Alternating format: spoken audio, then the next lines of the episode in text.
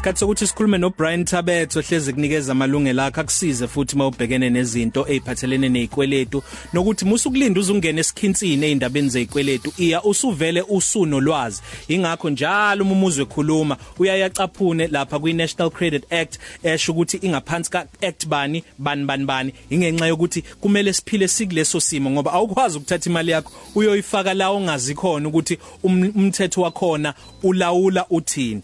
Namhlanje iballoon payment through lo engabizwa ngeresidual. Igama elidume kakhulu noma into edume kakhulu uma kuthengwa imoto. Ngiyafuna ukwazi kodwa futhi ukuthi iba khona yini kwesinye isikweletu ngale kwalesi sisaziyo semoto. Ingakho namhlanje sesibingelela ku Brian siyabingelela mfowethu. so mfethu i-balloon yeah. payment angazi noma kungakulungela yini ukuthi sisebenzise isimo sami njenge case study yokuthi kuyaye konakala ephi lapha ku balloon payment noma ubusazondlalela namhlanje bungakafika ukuthi kuze kufike lapho? sikhuluma ngeballoon payment namhlanje siya.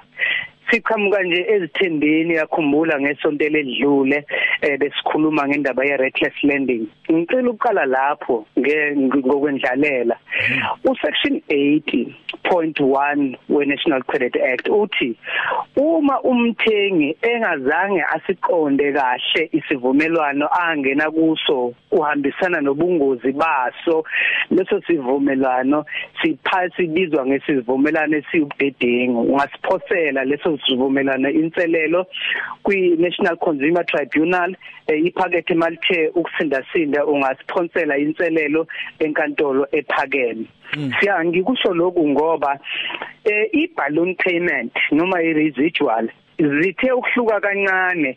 Eh akuzona ezabantu abangakhoni ngalokho esingathi ngesilungu phecelezi abanga abanga afford lezi zivumelana lezabantu aba-affordayo impela. Ngiyazi ukuthi mhlambe kweningi ijikhwebu lokuthi hayi bengingaqondi mina lokho ngoba i-balloon payment isamba semali esikhishwayo uma ufinancwa mhlambe imoto ukuze ukuthi imali oyikhokhayo njalo ngenyanga ibe phansi. Lokhu kwenziwa kakhulu abantu abasemabhizinisini nabantu abangawona um, abangazibophezela ukuthi bafuna ukuyi-owner leyo mpahla kube ngeyabo ekugcineni. Mhm. angikwenzele isibonelo. Uma sekuya ngasekupheleni kwesivumelwano sakho ibhange leke liyakuthinta lithi sekuno 90 days osele kumbe abanye bathi kuno 30 days osele eh okumele ukhokhe ngawo iballoon payment ubusuthwena hayi cha nginikele enye imoto.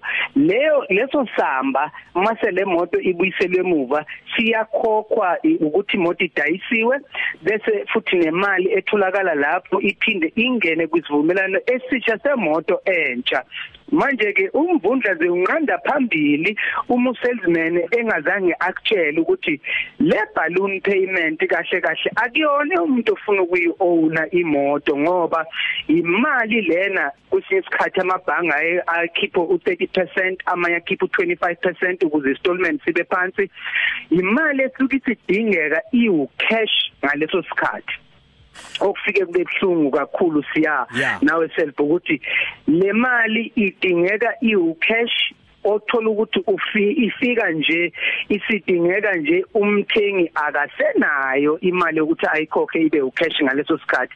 Ibhange leli liphoqeleke ukuthi lidle leyo mpahla usuyikhokhele siya wayiqeda lidle lidayise esigangalaleni uzozibuza nje umbuzo ukuthi kwenziwa yini esinye zeimoto zibe zishide ngendlela esimangaliso esidlangalaleni kuma auction ingoba ezinye zisuke ziyongenela nje ukukhokha i-balloon payment. Siyazi ukuthi kuningi okukhokhelwayo khona including ama auctioneers ngeke sakubalula lokho. Kodwa yebo. Akubambe lapho. All right. So yes. asiyenze ke inyakaze. Em imoto iu 500000 asisho kanje sibonelo mina yebo. ngino 300000 noma ngiapprovewa ku 300000 ukuthi ngithenge imoto bese i-dealership ithi hayi mhlongo sizokwenzela le moto ngeresidual angithi yebo okusho ukuthi okusho ukuthi bazothi mhlongo isibonelo sizofinance lo 300000 ebese u200000 kuyomele ukhokhe u cash emva ka 6 years ngabu 60 months noma 72 months wokuqeda kokukhokhelwa kwalo 300000 wokuqala angithi kunjalo siyamsana Alright mangiuqeda ke lo 300000 emva ka 6 years. Sekumele ngikhokha u200000 anginalo yini ithuba lokuthi ufinance we ungene ngaphansi kwesikweletu nawe lo 200000 ngingaphoqeleki nje kuphela ukuthi ngiwukhokhe ube ucash. Amabhange ngokwahluka kwawo siya umthetho nomgomo uthi fanele akunikeze u90 days ukuthi uhambe uyozifunela ifinance yoku yokuphinda urefinance eh lesisambe suke sesele. Nansi inkinga nonoxhaka la ufika ube khona siya uma lesi sikhathi sesesamba sika 200000 sifika nje uke wa defaulter uke wangapha waphutha wangakhokha endaweni ethile. Mhlambe uke waphutha nakuyona imoto mhlambe wagejwa ama installment ezimbili noma esizodwa. Uma sekufika lesi sikhathi usuthi uyo refinance phela. Lapha i-credit bureau ifika ichithe ichithe iphinde awukwazi ukuthola ifinance. Se usenkingeni ke lapho ukuthi lesikhathi kumele urefinance ngaso sikufika nje hayi ngoba awumuhle kahle emalini kodwa ngoba phela iqala phansi siyayiprocess akushiwo ukuthi hayi siqhubeka nawe ngoba vele ukulesi sikweletu. Uqala phansi usubmit zonke izinto zakho usubmit nokuthi njalo ngenyanga inzuzo malini ukuze uphinde uapprove kulo 90 days noma ku 60 days uma ungazange uapprove ibhange libe selidlulela phambili ngezinyathelo zokuthi leyo mpahla zirepossess ekufanele ukuthi cace basiya ukuthi ekuyeneni kwakho esivumelaneni usalesman ngiyazifike sithina kakhulu siblame kakhulu usalesman kodwa ngiye ngisho ngithi usikompilo nje le company ulibona kubasebenzi olicagula umphathi waleyo company ukuthi unjani.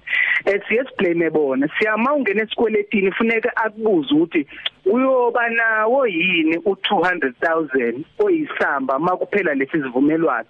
Nibe nenkontileka eceleni evumayo nokuzibophezela wena ukuthi ngiyoba nawo. Ingakho ngithe ngaseqaleni lezi inhlobo zezikweleti ezabantu vele abangenandaba abangasuke beyidinga ukuyigcina imoto abasuke befuna ukuyiphindisa emuva athathe imodel entsha ayiphindise emuva athathe imodel entsha. Ukuthi kwenzakalani la phakathi nendawo?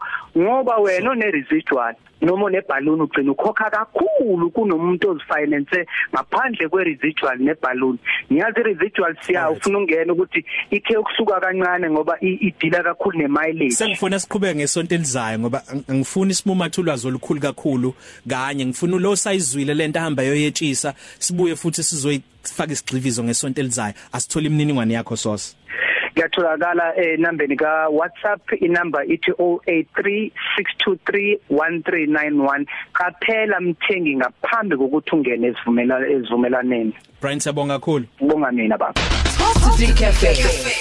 Ilunch yakho ayifani neyizolo.